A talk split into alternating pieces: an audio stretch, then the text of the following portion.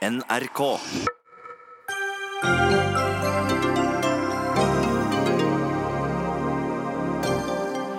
Verdens mest omtalte diktator slo i morges fast at Koreakrigen, som startet i 1950, er over. Men Vesten er avventende, vil ha handling fremfor ord. Det er det som teller, sier Norges utenriksminister.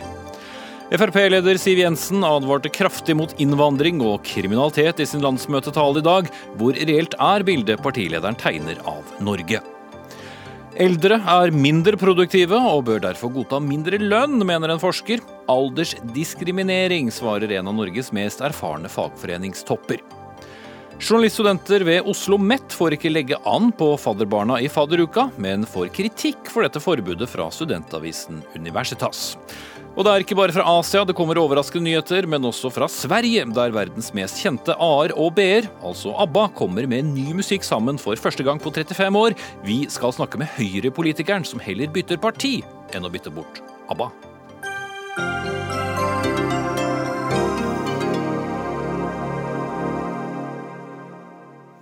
Sier vi god kveld og velkommen til Dagsnytt 18 med Espen Aas. Og vi starter selvsagt denne dagen med nyheten som eh, vel er meldt i hvert eneste verdens hjørne, nemlig de eh, tilsynelatende forsonende tonene som kommer fra Korea-halvøya.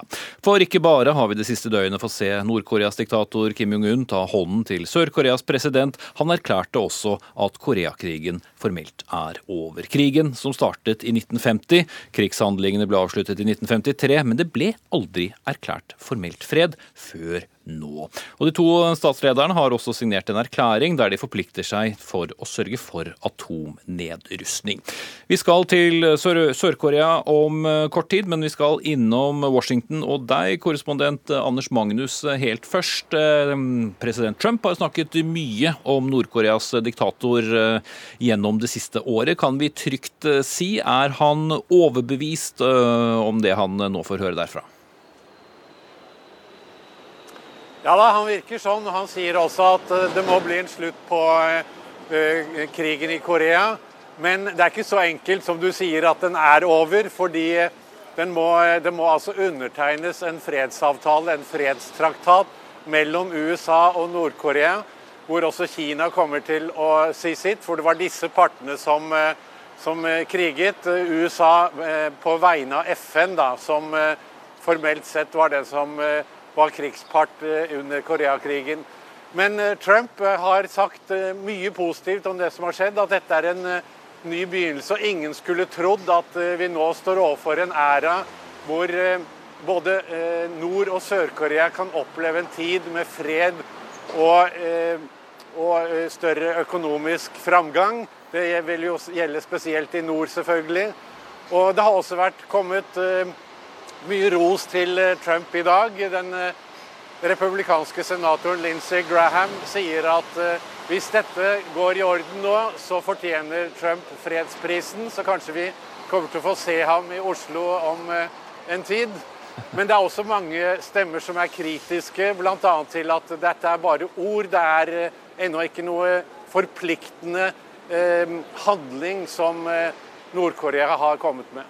Nei, og nettopp det er jo gjennomgangstonen i dag, Anders. Men vi venter jo på et annet viktig møte. Dette var det første viktige møtet. Og så er det jo eh, sannsynligvis et nært forestående møte da mellom Trump og Kim Jong-un. Og det foreligger vel da et visst eh, press også på Trump før dette møtet skulle finne sted? Ja da, det gjør det absolutt. Og det er klart at dette møtet som da kanskje skal holdes i slutten av mai eller begynnelsen av juni. Vi vet ennå ikke når eller hvor. Eh, der må Trump få med seg helt konkrete lovnader fra Nord-Korea om hvordan han skal stanse eller eventuelt avvikle atomvåpenprogrammet. Og også stanse eller avvikle disse, eh, dette programmet med interkontinentale raketter, som eh, jo kan true USA. Trump har jo selv sagt at får han ikke det han vil, så kommer han bare til å reise seg fra bordet og gå. Men det er klart at Trump har jo lagt så mye prestisje i dette nå, så jeg tror nok at han vil, eh, eh, vil at dette møtet skal bli gjennomført og synes som om det er en flott avtale. Det er mange her som er engstelige nettopp for at Trump skal gi for mye på et slikt møte fordi at han ønsker denne PR-triumfen. Takk skal du ha, Anders Magnus. Så skal vi eh, svært nær på der begivenheten har funnet sted. Og korrespondent Kjersti Strømmen, du har fulgt eh, disse, og har også selvsagt snakket med sørkoreanere i dag. Hva sier de? Ja, I dag har jeg snakka med en eh, talsmann for gjenforeningsdepartementet her i Sør-Korea, som fortalte at de var veldig letta over eh, resultatet av dette møtet, og at det var mer enn de hadde håpet på. Eh, mange her i Sør-Korea, de aller fleste ser det ut til, eh, har veld, hatt store forhåpninger og gleder seg til dette møtet. Og håper jo at det skal på sikt føre til fred og forsoning på den koreanske halvøya. Og så har man da den konservative gjengen som mener at dette er bare tull og at man ikke kan stole på Nord-Korea i det hele tatt. Mens du snakker, Kjersti, så har de som følger sendingen på TV nå sett eh, bildene der Kim Jong-un tar Sør-Koreas president i hånda, eh, hvor de går eh, mot grensen. Det har jo selvsagt vært toppmøter mellom de to landene tidligere. Det er ikke sånn at de ikke har snakket sammen før, men gir disse bildene og disse inntrykkene grunn til mer optimisme?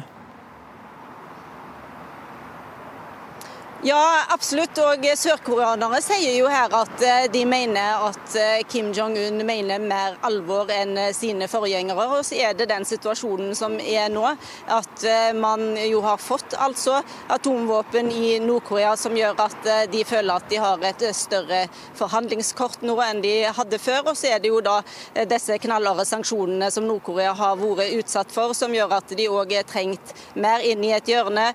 Men på den annen side også så er det sånn sånn at eh, Kim Jong-un har jo sagt at eh, han ser seg nå fornøyd med hvor langt de har kommet med atomvåpenprogrammet, og at det nå er på tide å åpne opp eh, for en bedre økonomi. Og da trenger de jo å komme overens med verden. Takk skal du ha, Kjersti Strømmen, som følger dette videre for eh, NRK.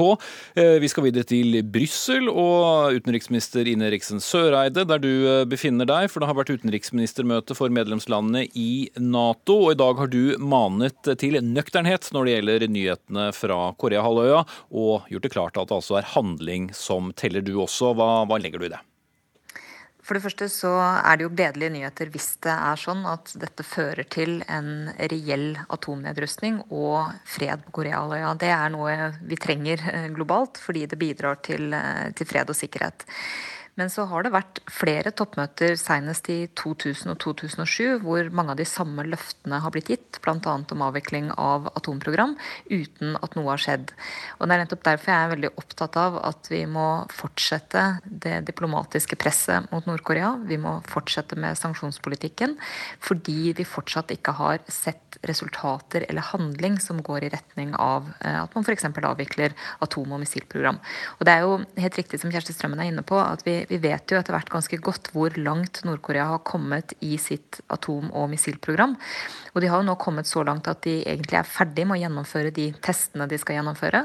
De har nå en styrke og en posisjon å forhandle fra som er annerledes enn tidligere. Det gjør jo på mange måter situasjonen enklere fordi man da uh, kan forhandle ut fra andre posisjoner, men det, gjør jo samtidig, de gir jo samtidig også mer grunn til bekymring, nemlig at atom- og missilprogrammet nå så å si er ferdigutvikla. Hvilke resultater ønsker du å se, og hva slags eh, sikkerhetsgarantier mener du stormaktene eventuelt bør gi tilbake? Ja, dette er jo det store spørsmålet som man jo også må forhandle mellom partene, hvor også USA og Kina er nøkkelspillere. Samtidig så er det jo sånn i all atomnedrustning og i all spørsmål om kjernefysisk nedrustning at verifikasjon er et nøkkelbegrep. Altså Hvis man ikke kan verifisere og bevise at det har skjedd, så er det selvfølgelig vanskelig å både gi garantier og lette presset eh, med økonomiske sanksjoner eller det politiske presset. Og Nettopp derfor så er jo de mekanismene vi har for nedrustning, selv om Nord-Korea på mange måter har meldt seg ut av flere av de, helt avgjørende for at man skal kunne bevise og verifisere at reell nedrustning eventuelt finner sted. Når det er sagt, så er det klart at hvis dette nå viser seg å bli realiteter, så er det veldig positivt. Og jeg tror vi skal ta det med en forsiktig og nøktern optimisme, samtidig som vi holder fokus på at det må gjennomføres med konkret handling. Mm. Takk til Ine Eriksen Søreide. Da skal vi til deg, Stein Tønneson, her i studio, seniorforsker ved Fredforskningsinstituttet. Det er eh, mye balansekunst som må på plass, ikke minst for kanskje mannen som har vært den store hovedpersonen i dag, Nord-Koreas diktator. Her har du på en måte et intrikat spill, og midt i spillet så har du Kim Jong-un, den unge lederen eller diktatoren i Nord-Korea. Han er på en måte forbryteren i spillet, som har våpen som han ikke har lov til å ha av det internasjonale samfunn. Og han står da overfor noen han i mange år ikke har fått treffe. Han har ikke truffet noen utenlandske statsledere i seks år. Plutselig kan han treffe dem, og de kan vi kanskje sammenligne med politifolk. Så han har en good cop, eller snill politimann, som er Moon Jae-in, som han har møtt nå, presidenten i Sør-Korea, og som sier til han at uh, hvis du gir fra deg dine våpen, så kan vi bli venner, og så kan vi utvikle oss sammen. Og så har han en bad cop, som er Xi Jinping i Kina, som sier at hvis ikke du gir fra deg dine våpen, så får du ikke mer mat og olje av meg, og da kommer ditt folk til å sulte. Og så har du the very bad cop, Donald Trump i USA, som sier at hvis ikke du gir fra deg dine våpen, så dreper jeg deg med mye større våpen.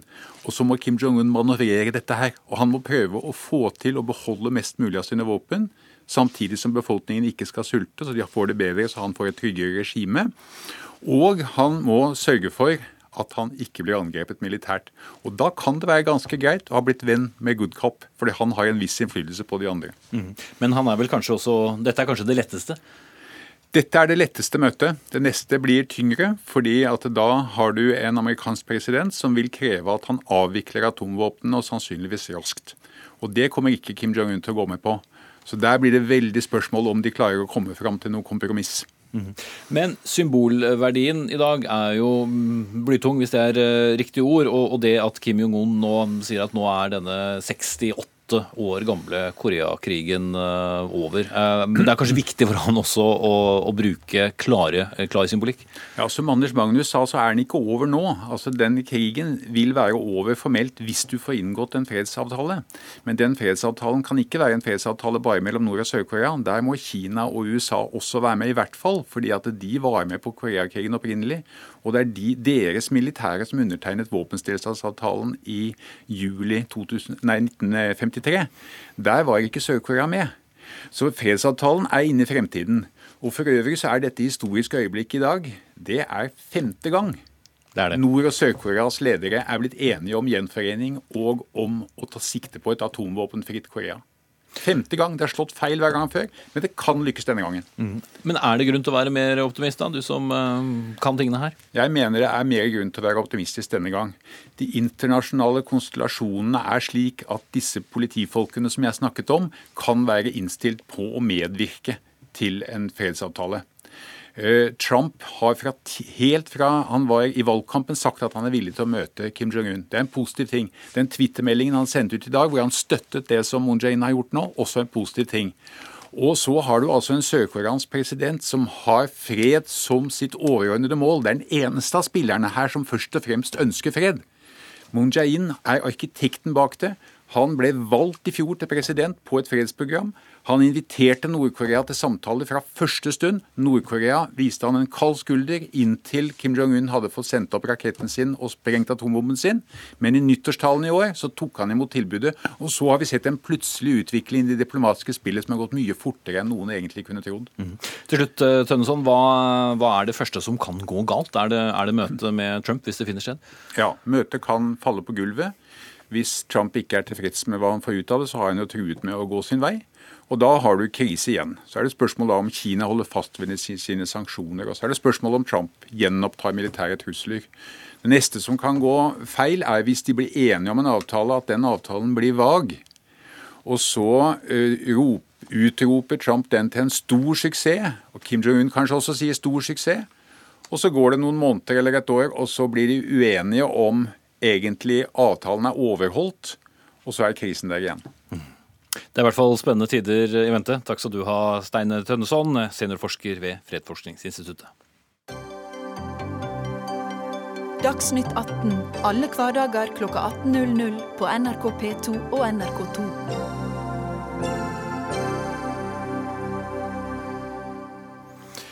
Med frontalangrep på Jonas Gahr Støre, advarsler om konsekvensene av innvandring eh, og kriminalitet, og kanskje et noe uventet frieri til fagbevegelsen, holdt eh, Siv Jensen i dag tale til sitt landsmøte. Velgerne vil ha mer av FrPs politikk, sa hun med henblikk på valgresultatet 11.9. i fjor. Og Siv Jensen med oss direkte fra landsmøtet på Gardermoen. Det var jo likevel den dårligste oppslutningen i et stortingsvalg for partiet siden 2001, så var det hold i det utsagnet? Det var altså slik at vi etter å ha sittet eh, fire år i regjering fikk fornyet tillit, eh, som gjør at vi nå sitter i regjering fortsatt. Fortsetter å levere god Frp-politikk. Bygger veier, reduserer skatter, styrker helsevesenet, får ut flere eh, sykehjemsplasser. Så alt i alt så tror jeg velgerne vil ha mer av det. Du brukte vel aller mest tid på å snakke om en av partiets mest kjente kjernesaker, nemlig innvandring, der du snakket om at de ikke må få det som bl.a. i Sverige, og om folk som er norske på papiret, men ikke i hjertet osv. Hvor skremt har vi egentlig grunn til å være i Norge i 2018, når vi ser fremover? Det som er viktig, er at vi har god kontroll. Vi har veldig lave asylankomster til Norge fordi Fremskrittspartiet har strammet inn eh, innvandringspolitikken. Men vi har utfordringer i integreringen. Det er veldig mange mennesker bosatt i Norge som ikke kan norsk, som ikke er en del av det norske samfunnet, og som ikke deltar i arbeidslivet. Og vi ser dessverre utfordringer med negativ sosial kontroll, som særlig rammer jenter med minoritetsbakgrunn. Og dette mener jeg at vi er nødt til å ta på alvor. For i Norge, hvor vi skryter av at likestillingen står sterkt, så skal det også gjelde jenter med minoritetsbakgrunn. De skal unngå å slippe å oppleve negativ sosial kontroll fra brødre, fettere og familieoverhoder. Mm. Men er inntrykket ditt at folk er eh, like skeptisk? Byen med størst innvandring i Norge, nemlig Oslo. Der var jo partiet ditt mindre enn både MDG, Venstre og Rødt eh, prosentvis eh, da vi så oppslutningen i, i Oslo etter valget i fjor? Lykke til. Jeg mener det er veldig mange mennesker i Norge som er urolig for dette. og Nå viste jo regjeringen i perspektivmeldingen de utfordringene vi står overfor hva gjelder bærekraften i norsk økonomi. Hvis vi ikke lykkes bedre i å integrere mennesker som eh, har kommet til Norge. Da handler det om eh, bedre språkopplæring, det handler om at flere må komme i jobb, det handler om at flere må klare å brødfø seg og sin familie. Dette er helt avgjørende for at vi skal eh, ha god bærekraft i økonomien vår. Men hva forteller det deg at partiets oppslutning likevel er såpass lav i Nå hører jeg faktisk ikke hva du sier, for det er eh, noe som utløser veldig stor applaus her. Vi skal la applausen eh, stilne før vi stiller deg neste spørsmål, eh, Siv Jensen. Er det likevel ikke et tankekors at Fremskrittspartiet fortsetter applausen enda litt? Du skal få vente til det blir stille.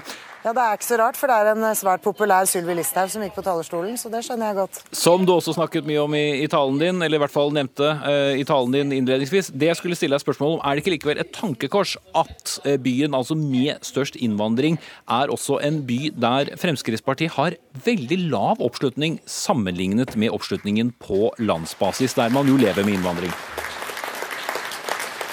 Det er ingen tvil at vi har en jobb å gjøre hva gjelder vår oppslutning både i Oslo og i andre store byer. Jeg tror det handler om eh, veldig mye. Eh, vi kommer til å gjøre det vi kan i inngangen til kommunevalgkampen. Og vise at den styringen vi har på landet, ja den kan vi også ta i Oslo, Bergen, Trondheim og resten av eh, kommunestyrene. Det handler jo om å ta folk på alvor i den hverdagen vi har. Det handler om trygge oppvekstvilkår for barna våre. Det handler om at våre eldre skal bli behandlet skikkelig, få gode sykehjemsplasser og en god omsorg også i egen bolig.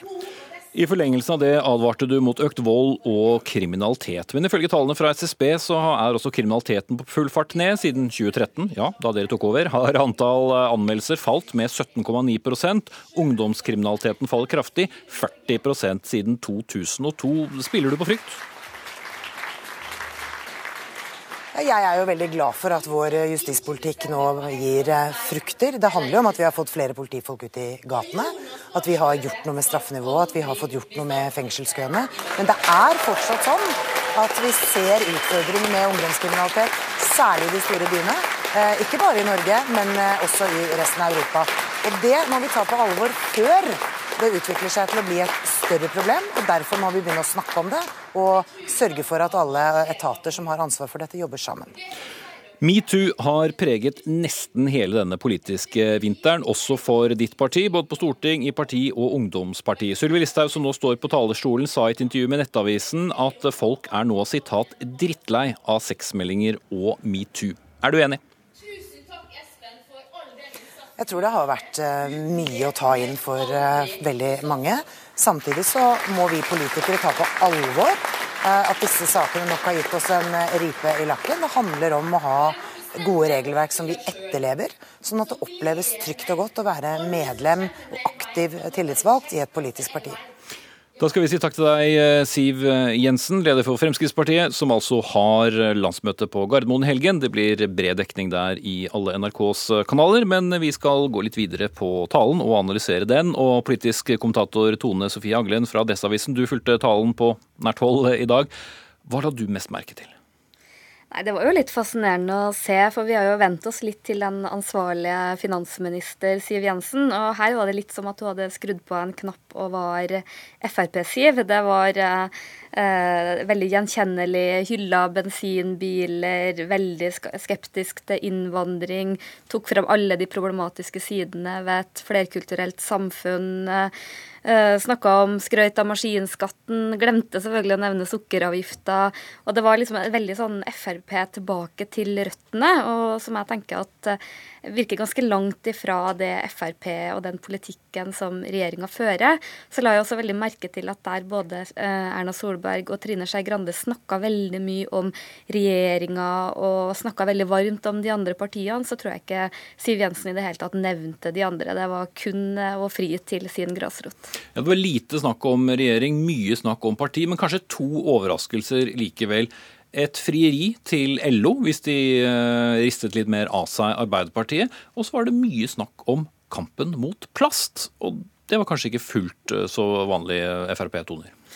Nei, det var jo et, det var ikke et veldig sånn hjertelig frieri til LO, da. Det må det jo være lov å si. Det var jo Eh, dersom de slutta med det her tullet med å gi penger til Arbeiderpartiet, og hvis de på en måte virkelig skjerpa seg. Og jeg tror nok at eh, Vi vet jo at eh, Frp står veldig sterkt blant LOs medlemmer, så det var veldig fisking der og en veldig sånn kritikk av utenlandsk arbeidskraft. Så jeg tror nok at det gikk hjem til ganske mange. Og så er det jo litt sånn fascinerende at nå har til og med Frp begynt å snakke om miljø og plast på en litt sånn positiv måte, og det tror jeg handler om at vi ser at holdningene i befolkninga har endra seg. Til og med på høyresida er folk mer opptatt av det, og særlig det her plastforurensninga. For det er så lett å se, det er så visuelt, og det engasjerer til og med i Frp. Mm. Vi skal tilbake til landsmøtesalen nå. Magnus Takvam, eh, vår politiske kommentator. Du har jo fulgt uh, Frp i mange, mange år. Hvordan vil du beskrive stemningen i partiet nå?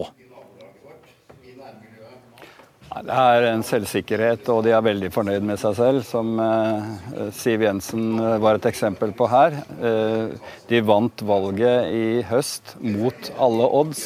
Så det er liksom den stoltheten et nederlagsdømt parti fra eliten, som de selv sier, har liksom vist eh, hele verden at de faktisk kan styre. Så den seiersstemningen preger, uh, preger partiet, og, og, også demper selvfølgelig da de konfliktene som tross alt er i, i Fremskrittspartiet for øyeblikket. De fikk jo, eh, selv om jeg sa det var det dårligste oppslutningen siden 2001, så var det likevel ikke mer enn et drøyt prosentpoeng som skilte 2013 og 2017. Hvorfor fikk ikke Fremskrittspartiet den valgslitasjen som f.eks. SV fikk da de satt i regjering? Nei, Det er jo et godt spørsmål. Eh, det er i hvert fall eh, Alle har lagt merke til at Frp har vært veldig bevisst på å prøve å unngå nettopp den slitasjen. Eh, det jeg tror de har greid å få til, er å på en måte beholde noe av denne si, protest dette, denne protestidentiteten fra regjeringsposisjon. Vi legger merke til at de tar opp saker som folk er misfornøyd med fra regjering, f.eks. eiendomsskatten, som selvfølgelig er upopulær i mange kommuner. De tar et knallhardt kjør mot byrådet i Oslo, særlig bilpolitikken, som også er kontroversiell blant velgerne i Oslo. Så den type grep er et eksempel på at de klarer å beholde den der protestparti-imaget fra regjering. Mens da, for å legge til det, partiet Høyre også angriper Arbeiderpartiet eh, med styringskritikk som, som, bakteppe, som vi har fått eksempler på de siste dagene. Så det er veldig påtagelig at regjeringspartiene har en veldig sånn eh, front mot opposisjonen, mot Arbeiderpartiet for tiden. Siste spørsmål til deg, eh, Magnus, før vi runder av her i studio. Eh, Siv Jensen skrøt av Listhaug både i talen og for så vidt da hun var eh, med i intervjuet her, og mange snakker om henne som den mest trolige etterfølgeren, selv om nestleder Solvik-Olsen også indirekte har kastet sin hatt inn i ringen i dag og sagt at han kunne være interessert i en sånn jobb. Hvor mye snakk blir det egentlig om en etterfølger for Siv Jensen fremover? Nei, Det er ikke aktuelt på svært lenge, og Siv Jensen står, står veldig sterkt. Det kan, så jeg tror situasjonen er slik at både Sylvi Listhaug, Jon Georg Dale, Solvik-Olsen og, og, eh, et par til er eh, aktuelle kandidater på et eller annet tidspunkt. Det som kan bli eh, spennende, er neste år på landsmøtet, da kanskje enten Sandberg eller Solvik-Olsen eller begge to gir seg. Hvem blir da nestleder? Det kan bli f.eks. Sylvi Listhaug og Jon Georg Dale, litt avhengig av hvem av de to som eventuelt trekker seg. Så det blir den første skal vi si, personkabalen eh, jeg tror vi opplever på toppen av Frp. Mm. Takk, eh, Magnus Akvam. Eh, Tone Sofie Aglen, det var uten tvil mest snakk om innvandring og kriminalitet forbundet til det i den drøyt timelange talen. Er det fortsatt det aller beste kortet til partiet? Ja, det er nok det. Uten tvil at det er den saken som får flest velgere til å stemme Frp. Og så tror jeg på en måte skatter og avgifter kommer etter. Men der sliter Frp litt mer, for disse bomstasjonene de står fjellstøtt. Det kommer stadig nye avgifter, så de klarer på en måte ikke å, levere. Men så ser vi også at eh, Fremskrittspartiet nå prøver å, å løfte eldreomsorg som en viktig sak. De hadde veldig høy troverdighet på det i Jon Alvheim sin tid. Og vi ser at den nye eldreministeren har jo kommet veldig bort, men nå er det jo Sylvi Listhaug som er esla til å bli den nye eldregeneralen. Og hvis hun lykkes med det, så tror jeg at det kan bli en, en ny sånn eh, stemmesanker for partiet. Ok, vi får følge med landsmøtet videre. Takk skal du ha, Tone Sofie Aglen, politisk redaktør i Adresseavisen.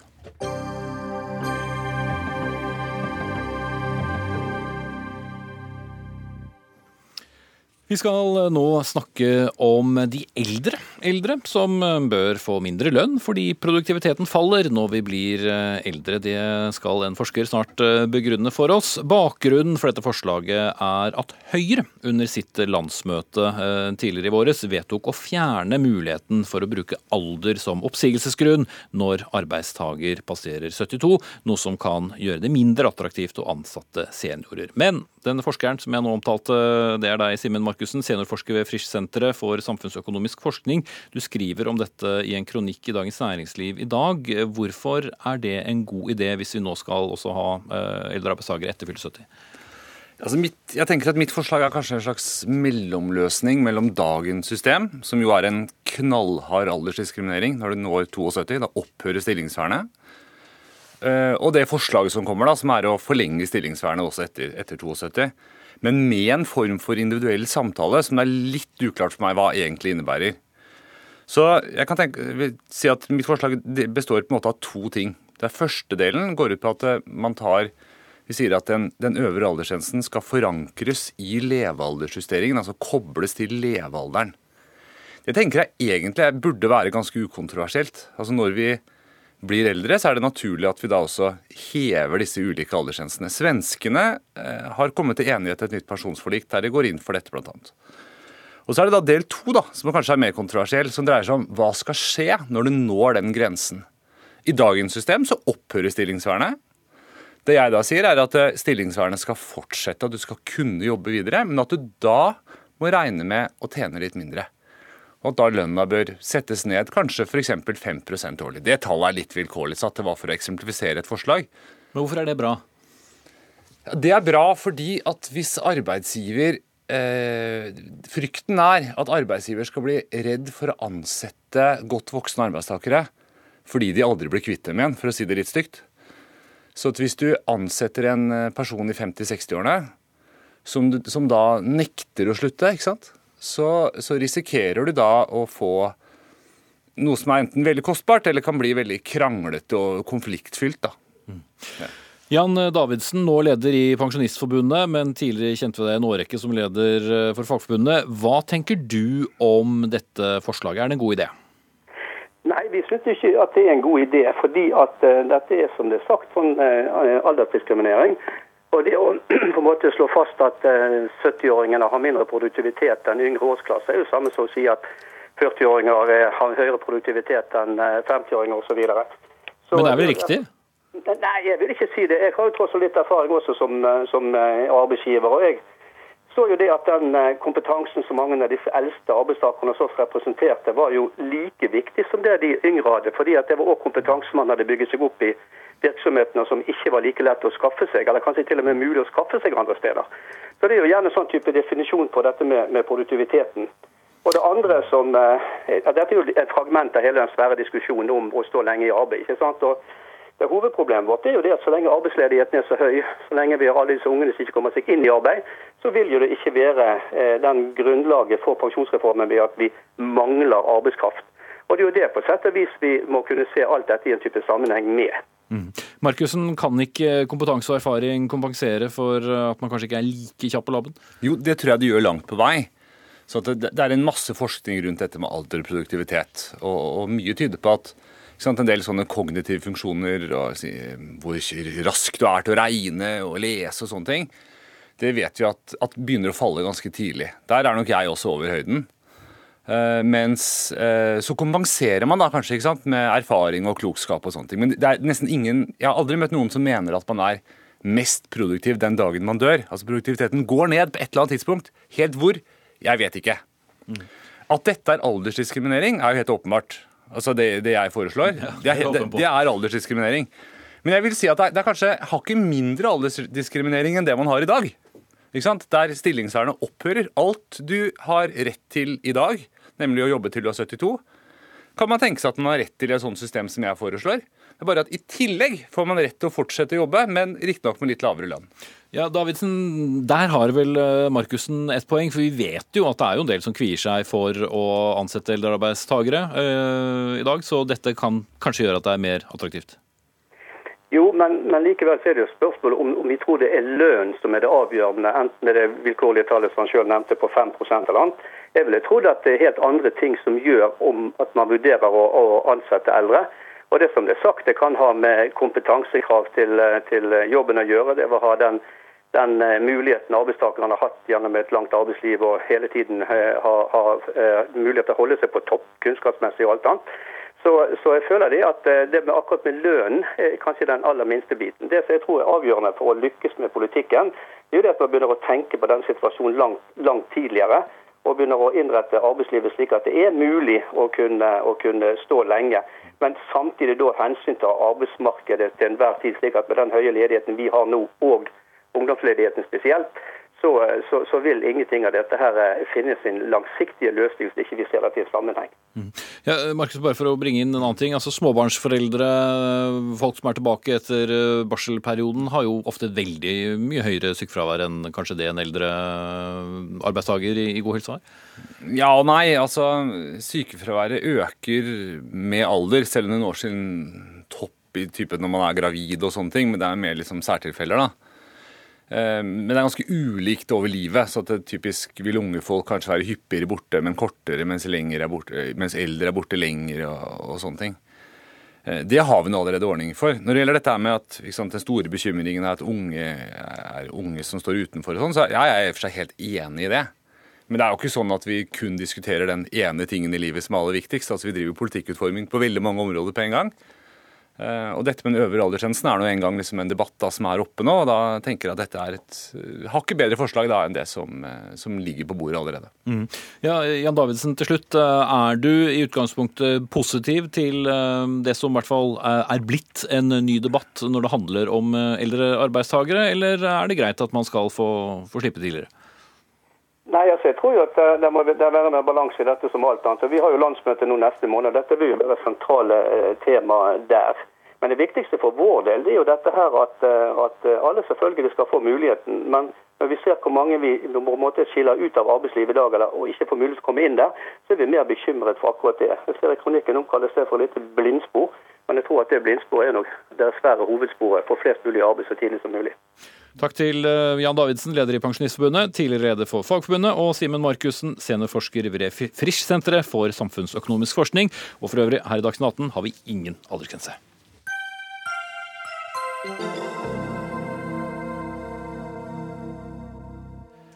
Det har um, kommet flere reaksjoner på at Norges idrettsforbund legger ned sitt uh, eget idrettsmedisinske etiske råd.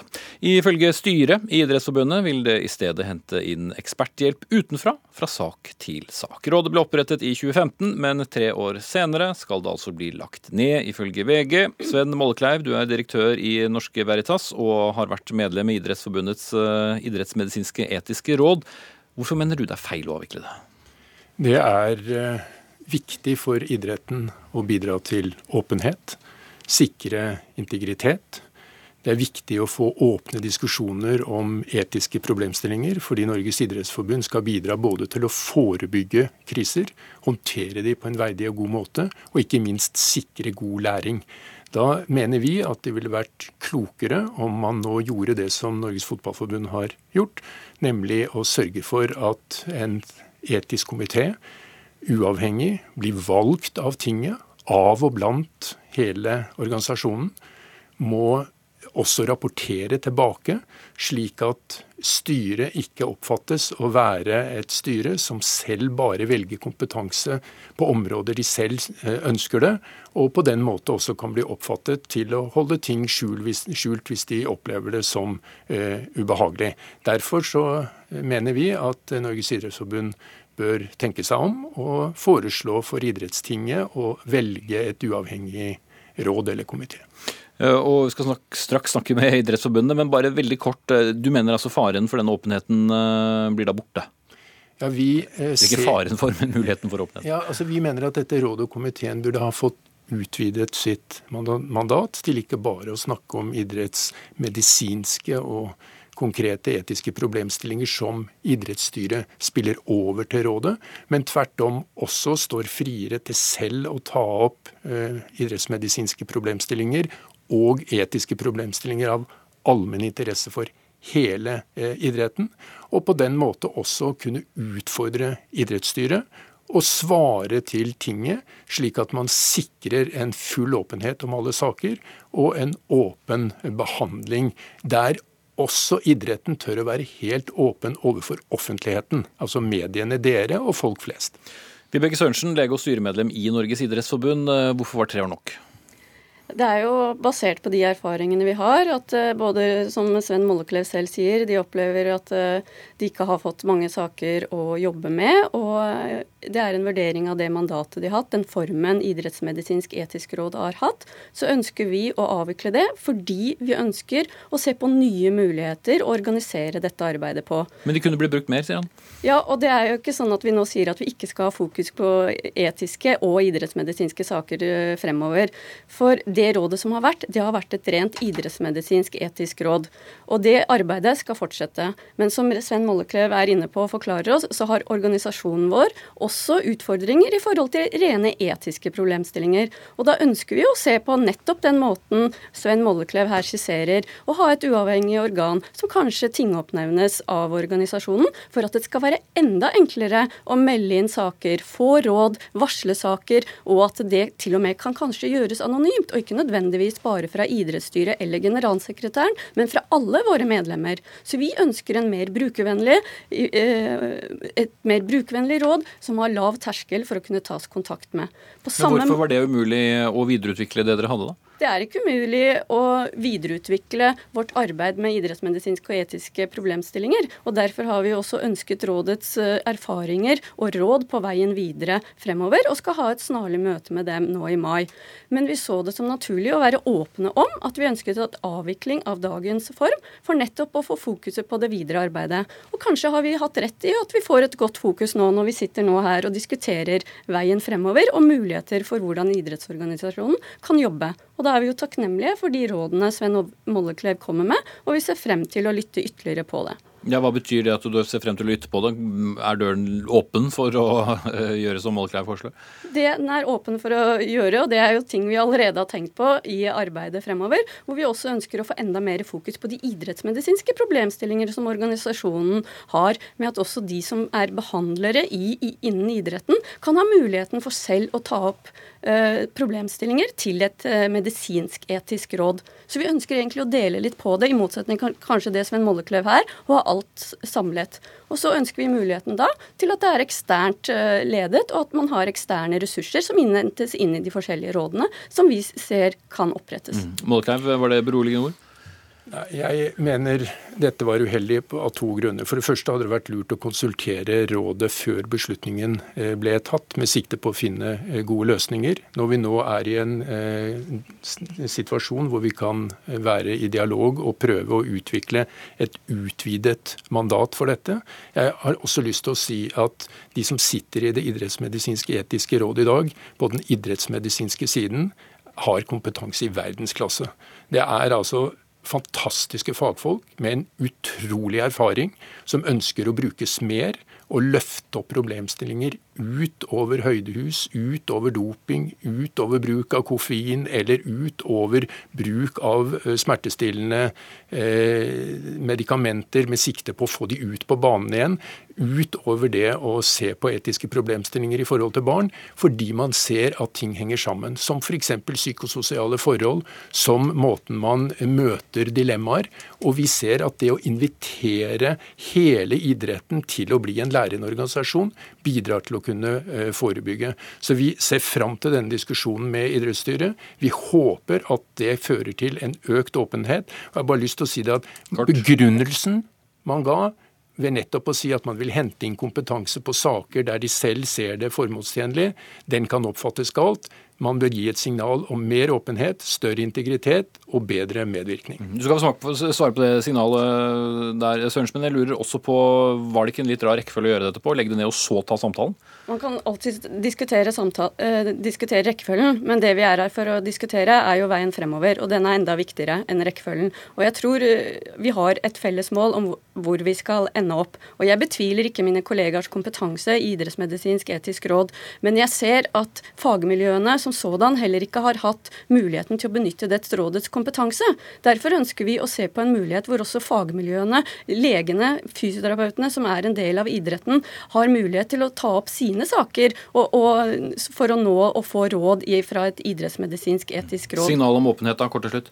Selvfølgelig. Vi ønsker åpenhet om dette arbeidet. Og det er en misforståelse at vi kun skal gjøre dette fra sak til sak. Dette jeg nettopp her sitter og sier, er at vi ønsker å forsterke arbeidet omkring både idrettsmedisinsk etikk og etikk i organisasjonen vår. Ok, i hvert fall en åpen diskusjon her i Dagsnytt 18. Takk skal du ha, Vibeke Sørensen, styremedlem i Norges idrettsforbund, og Sven Mollkleiv. Hør Dagsnytt 18 når du vil. Radio NRK Radio.nrk.no.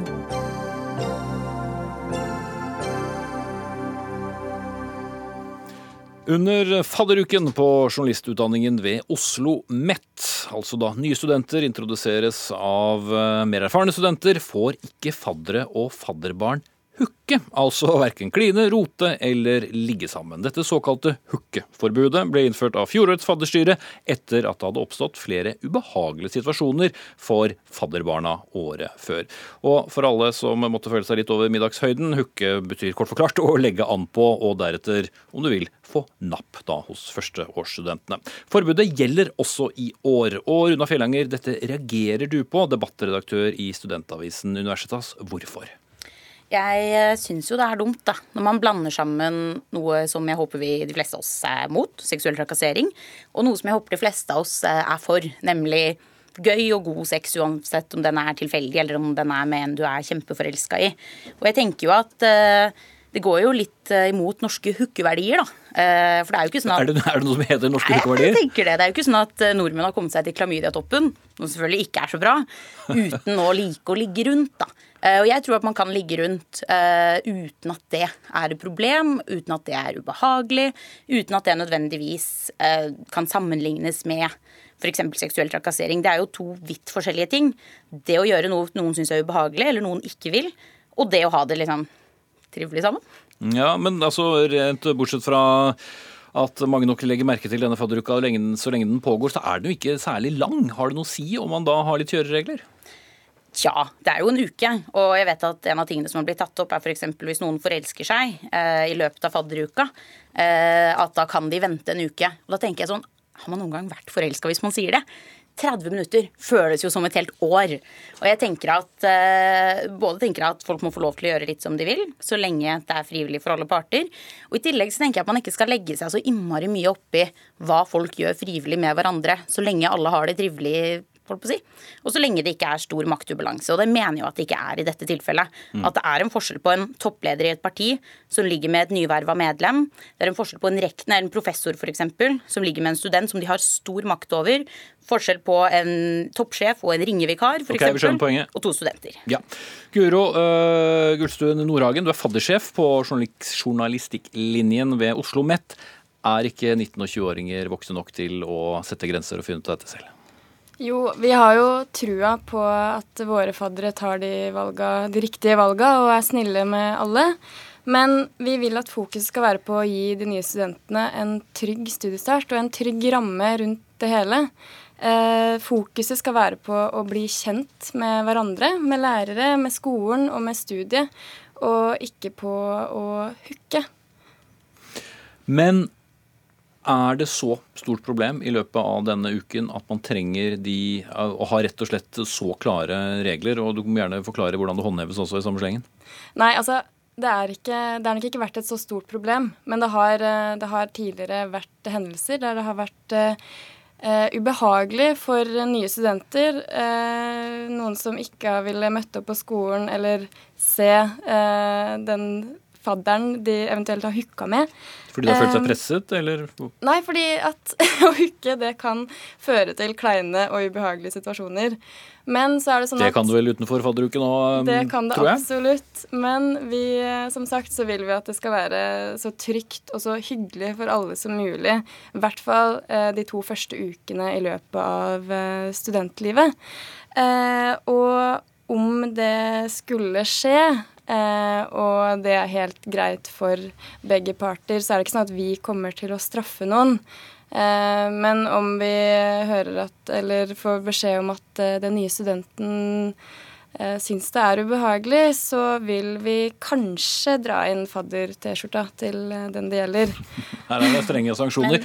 Men, ja, eh, Du kan få ordet nå. Jeg bare spørre deg, Filanger. Det høres jo ikke så utrolig strengt ut. Det er jo ikke noen det er ikke sånn at man, man, ikke kan ha det gøy i løpet av disse to ukene som det er i dette tilfellet. Nei, og jeg opplever jo at man nå går litt tilbake fordi på, på standpunktet. For til Universitas så var da svaret på at hvis man hooka med, fadder, med et fadderbarn som fadder, så ble man fratatt T-skjorta. Det er jo fint å høre at det er litt rom for skjønn her. Og det jeg syns er problemet her, er at i stedet for å gå for en løsning sånn som f.eks. UiO har gjort eh, Universitetet i Oslo, ja, for de som ikke beklager. husker den forkortelsen. Ja. Eh, har gjort eh, i sitt fadderstyre, da, der man kurser både fadderne og faddersjefene i grensesetting, maktubalanse osv. Og, så og ansvarliggjør fadderne eh, om at de ikke skal gjøre noe som er ubehagelig for fadderbarna, så går man da for et forbud. Jeg syns også det er en, en, litt lettvint løsning, da. For poenget her må jo være å snakke om hvordan man kan unngå å gjøre noe ubehagelig mot noen, ikke bare sette ned et forbud. Jeg syns f.eks. også SBO, som er studentforeningen eh, på BI, Handelshøyskolen BI, eh, også har en veldig sånn tydelig linje at de utestenger folk fra senere arrangementer hvis de seksuelt trakasserer. Det syns jeg er en bedre løsning. Mm. En annen ting jeg lurer på også, selvsagt hvis man først skal være fadder, er det liksom helt åpent hva man skal nyte alkohol, eller hvordan uh, fungerer det der? Man har jo selvfølgelig så klart et ansvar som fadder, og du skal ikke være den som er fullest. Uh, du skal ikke være den som må bli båret hjem fra fest. Men uh, så er det ikke sånn at vi Altså, Ordet hookeforbud det er nok, eh, det høres litt strengere ut enn det det kanskje er. Men som sagt, det er et ord som fester seg. Eh, nå har det jo blitt en ganske stor debatt ut av noe vi egentlig ser på som ganske lite. Da jeg som fadderbarn, eller som ny student i fjor blei ble introdusert for det her av uh, våre faddere, så var det aldri noe big deal. Det gikk ganske fort forbi, og så var det ikke noe mer snakk om det. Og det var heller ikke noe problem. Men likevel eh, fører vi Likevel videre. så fører vi det videre fordi at det er med på å skape en bevisstgjøring, og det gjør det jo nå når vi sitter her og prater om det. Og eh, det er eh, Hookeforbud, det høres nok mer strengt ut enn det det er. Så hvorfor skal man da ha det hvis ikke det er så strengt? For å, gjøre en, eh, for å skape en bevissthet rundt det. Mm. Og Nordhagen, det kan du ikke være imot. Jeg syns også det er litt uh, forvirrende uh, om det er et forbud eller ikke. Uh, for jeg syns selvfølgelig det er viktig med bevisstgjøring. Jeg syns både da Universitetet i Oslo og Studentforeningen på BI har gjort noe av det samme uten å gå for et forbud. Og jeg synes jo at man skal være litt forsiktig med å forby ting. Og ikke minst av den tingen man faktisk vil til livs her, da, som er seksuell trakassering.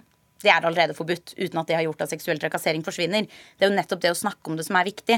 Og her opplever jeg ikke at man har gått for en løsning der man snakker om det, men heller for en løsning der man forbyr alt liksom seksuelt samvær mellom faddere og studenter. Og så må det også nevnes at eh, faddere og fadderbarn må også nevnes at journalistikk er en linje der ganske mange begynner ganske seint. Så det er ikke nødvendigvis sånn at det er en 19-åring og en 22-åring f.eks. Det kan like gjerne være en 25 år gammel fadderbarn og en 21 år gammel fadder.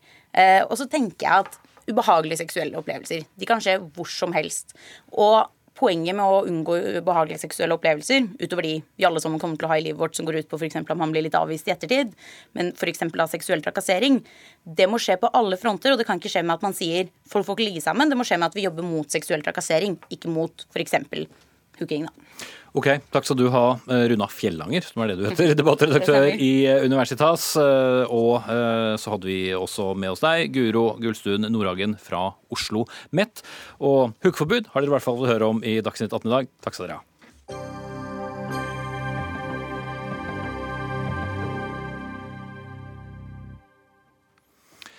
Da skal vi høre disse tonene.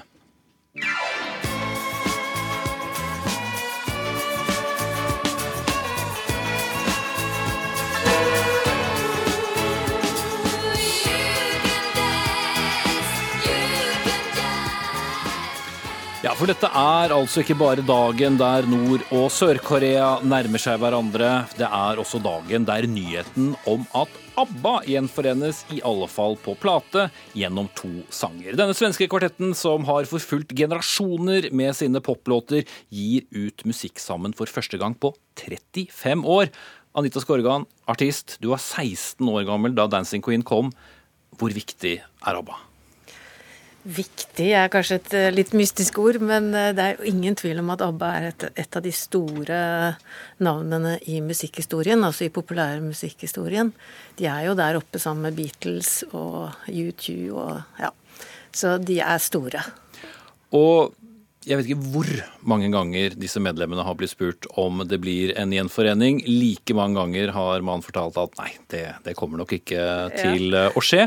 Men nå er det i hvert fall en slags eh, gjenforening. Hvor overrasket ble du da du hørte dette? Det var, det, var en, det var en veldig stor overraskelse, for nå trodde man at toget var gått. Men eh, det som er så utrolig hyggelig, er at eh, Altså, Vi vet jo at gutta har vært aktive komponister i alle disse årene, men vi trodde at jentene hadde gått i hi. Men eh, nå har de kanskje kommet til den alderen hvor de bare forstår at det å synge og det å, å være sammen i musikken og glede mennesker med nye ting, det er en så stor verdi at de bare gjør det likevel. Yngve Brox, tidligere Høyre-politiker i Trondheim, eh, som vi kanskje kjenner deg mest som, jobber i dag eh, i et konsulentselskap, men er med oss i kraft av å være ABBA-fan. Skikkelig ABBA-fan. For du hadde heller skiftet parti enn å skifte ut eh, ABBA. Hva forteller det om deg? Du, det sier alt, for jeg kommer aldri til å skifte parti. Men, eh, men eh, ABBA-fan ble jeg da jeg var fem år gammel, og, og eh, kassetten med Mamma Mia på kom ut. Den tror jeg broren min hadde i ca. to sekunder. Da stjal jeg den, og siden var den min, rett og slett. Og siden har det vært ABBA for meg. Ja, Hvis du klarer det uten å eventuelt rødme, kan du fortelle om et visst lite godnattritual du hadde som barn? Du, det, var fakt det, er helt sant. Jeg hadde en plakat. Det var um, det bildet av ABBA ved siden av helikopteret som ligner litt på coveret til plata som heter Arrival. Det hang over senga mi. Og hver kveld før jeg la meg og sov, så sussa Anne-Frid og sa god natt. Og det syntes uh, mora mi var litt uh, småcreepy, for de er jo like gamle. Men jeg må spørre, spørre, dere begge to. Altså, det er 35 år siden. Ja, vi har uh, sett og hørt at det fortsatt komponeres og lages musikk. Men er vi helt sikre på at vi har lyst til å høre dem etter så mange år? Ja, jeg har veldig lyst til å høre dem. Og jeg har jo eh, så tro på dette med, med, at med alderen så kan ting modnes. Hvis det er en god vin, så blir den enda bedre, ikke sant. Så jeg er veldig spent på hvordan disse stemmene klinger nå. Og du skal ikke se bort fra at det er kjempefint. Mm, hva tror du, Brox? De har jo laga en del eh, låter i mellomtida, Bjørn og Benny, som er, som er, bra. Eh, vi har jo hørt noe av det som Anne Anni-Frid og Anjeta har laga i mellomtida også, som er altså Stemmene deres er ikke det samme som før, men jeg er livredd for at det ikke skal bli bra nok. Samtidig så fikk jeg jo gåsehud i dag da jeg hørte denne nyheten, rett og slett. altså. Eh, det er jo da et eh, som jeg var inne på, eh, et av mange band som man har lurt på skal gjenforenes, på samme måte som man spurte om The Beatles i mange år, med, med Pink Floyd og mange andre. Men ABBA er likevel litt annerledes, for det er gladere, det er lettere, godt komponert musikalsk. Men det er altså så stort for en som har bodd i Storbritannia i mange år. altså Britene elsker dette, australiere elsker dette. Og de har altså ikke gitt ut ny musikk på 35 år. Hvordan forklarer vi dette, Anita Skål? Nei, eh, det, er, det, går jo mot alle ting sånn, sånn, som det pleier å være, men det er jo det som gjør det så gøy og så interessant. Og eh, det er klart, tekstene er liksom litt lettere enn eh, Det er jo ikke det som kanskje er det som gir det tyngde, for å si det mildt. Men, men likevel så fungerer de tekstene så utrolig godt til den musikken. Det er en eller annen fusjon der som bare er helt magisk. Og eh, disse gutta de eh, er på linje med Mozart, etter min mening, når det gjelder melodiføring. Det er fantastiske melodier. Du har jo møtt Agneta Feltskog, en annen. Hvordan var det? Du, eh, jeg spilte inn plate i EMI-studio i Stockholm eh, på midten av 70-tallet. Og akkurat da så, så, øvde de til sin verdensturné ved siden av, og så var det en som spurte har du lyst til å hilse på dem. Eh, og det var, det var, så stort. Og så kom de bort. Og så, og så kom Magneta Fjellskog bort til meg sånn Hei, Anita! Oh. Og så syntes hun det var så fint at jeg hadde spilt inn en av hennes sanger fra et av hennes soloalbum hvor hun hadde produsert selv og laget alle sangene selv. Du, det var så stort. Og jeg lærte så mye av å bli så godt tatt imot. Det har betydd masse for meg i forhold til mitt eget forhold til andre som liker min musikk. ikke sant? Skikkelig starstruck? Oh yes. Jeg var stum som en østers. Yngve Brox, du har aldri møtt dem og heller ikke fått sett dem opptre. Hva tror du om de hadde gått enda et hakk lenger og, og stått på scenen sammen? Du er glad de ikke gjør det, fordi at uh, ærlig talt så er de ikke Det var ikke som liveband de var best, de var aller best i, i studio. Uh, så jeg, jeg, ser veldig fram til det showet de lager nå, som skal bli et sånt virtuelt uh, ABBA-show. Jeg tror det kan bli både bra og, og spennende. Og så husker jeg ABBA som uh, lyspunktet i et uh, brunt og trist uh, 70-tall. Og jeg håper at det nye showet kan bli litt det samme, at vi får den litt sånn glamouren rundt ABBA tilbake igjen. Du kaller musikken for soundtracket i ditt eget liv, og har egne låter som du jobber til. Og en gang sto du fast da du skulle holde et innlegg etter Erna Solberg. Hva skjedde? ja, du, jeg skulle av alle ting holde første innlegget etter Erna på landsmøtet til Høyre. og Det er svære greier. Eh, og jeg sto fast i dagevis med det innlegget. Og da har jeg en fast liste med ABBA-låter som jeg kan sette på, som eh, av en eller merkelig grunn alltid hjelper meg i gang. Og med den så tok det plutselig bare ti minutter, og så satt, eh, satt det innlegget. Så det, der er det et land som sitter for min del. Til slutt, Anita Skorgan, hvordan vil du lettest kunne beskrive ditt nære forhold til ABBA i dag? I dag har det vel roet seg litt sånn ned, men uh, det er jo fortsatt uh, Noen av de sangene jeg hører dem, så, så, blir, jeg, så blir, jeg, lykkelig og glad. Uh, jeg var jo som sagt 16 år da 'Dancing Queen' kom, og da den kom Vi, vi, vi holdt på å daue. Den var så fengende og så utrolig fin å danse etter. Så ABBA, altså den musikken man elsker når man er 14-15-16, den elsker man resten av livet. Sånn er det bare. Takk skal dere ha, Anita Skorgan, artist, og Yngve Broch, stiller Høyre-politiker i Trondheim. For en nyhetsdag der ute. Nord-Korea, Sør-Korea og altså ABBA. Vi er ved veis ende med ukens siste Dagsnytt 18. Ansvarlig for den Dag Dørum, teknisk ansvarlig Eli Kyrkjebø, og her i studio Espen Aas. God helg.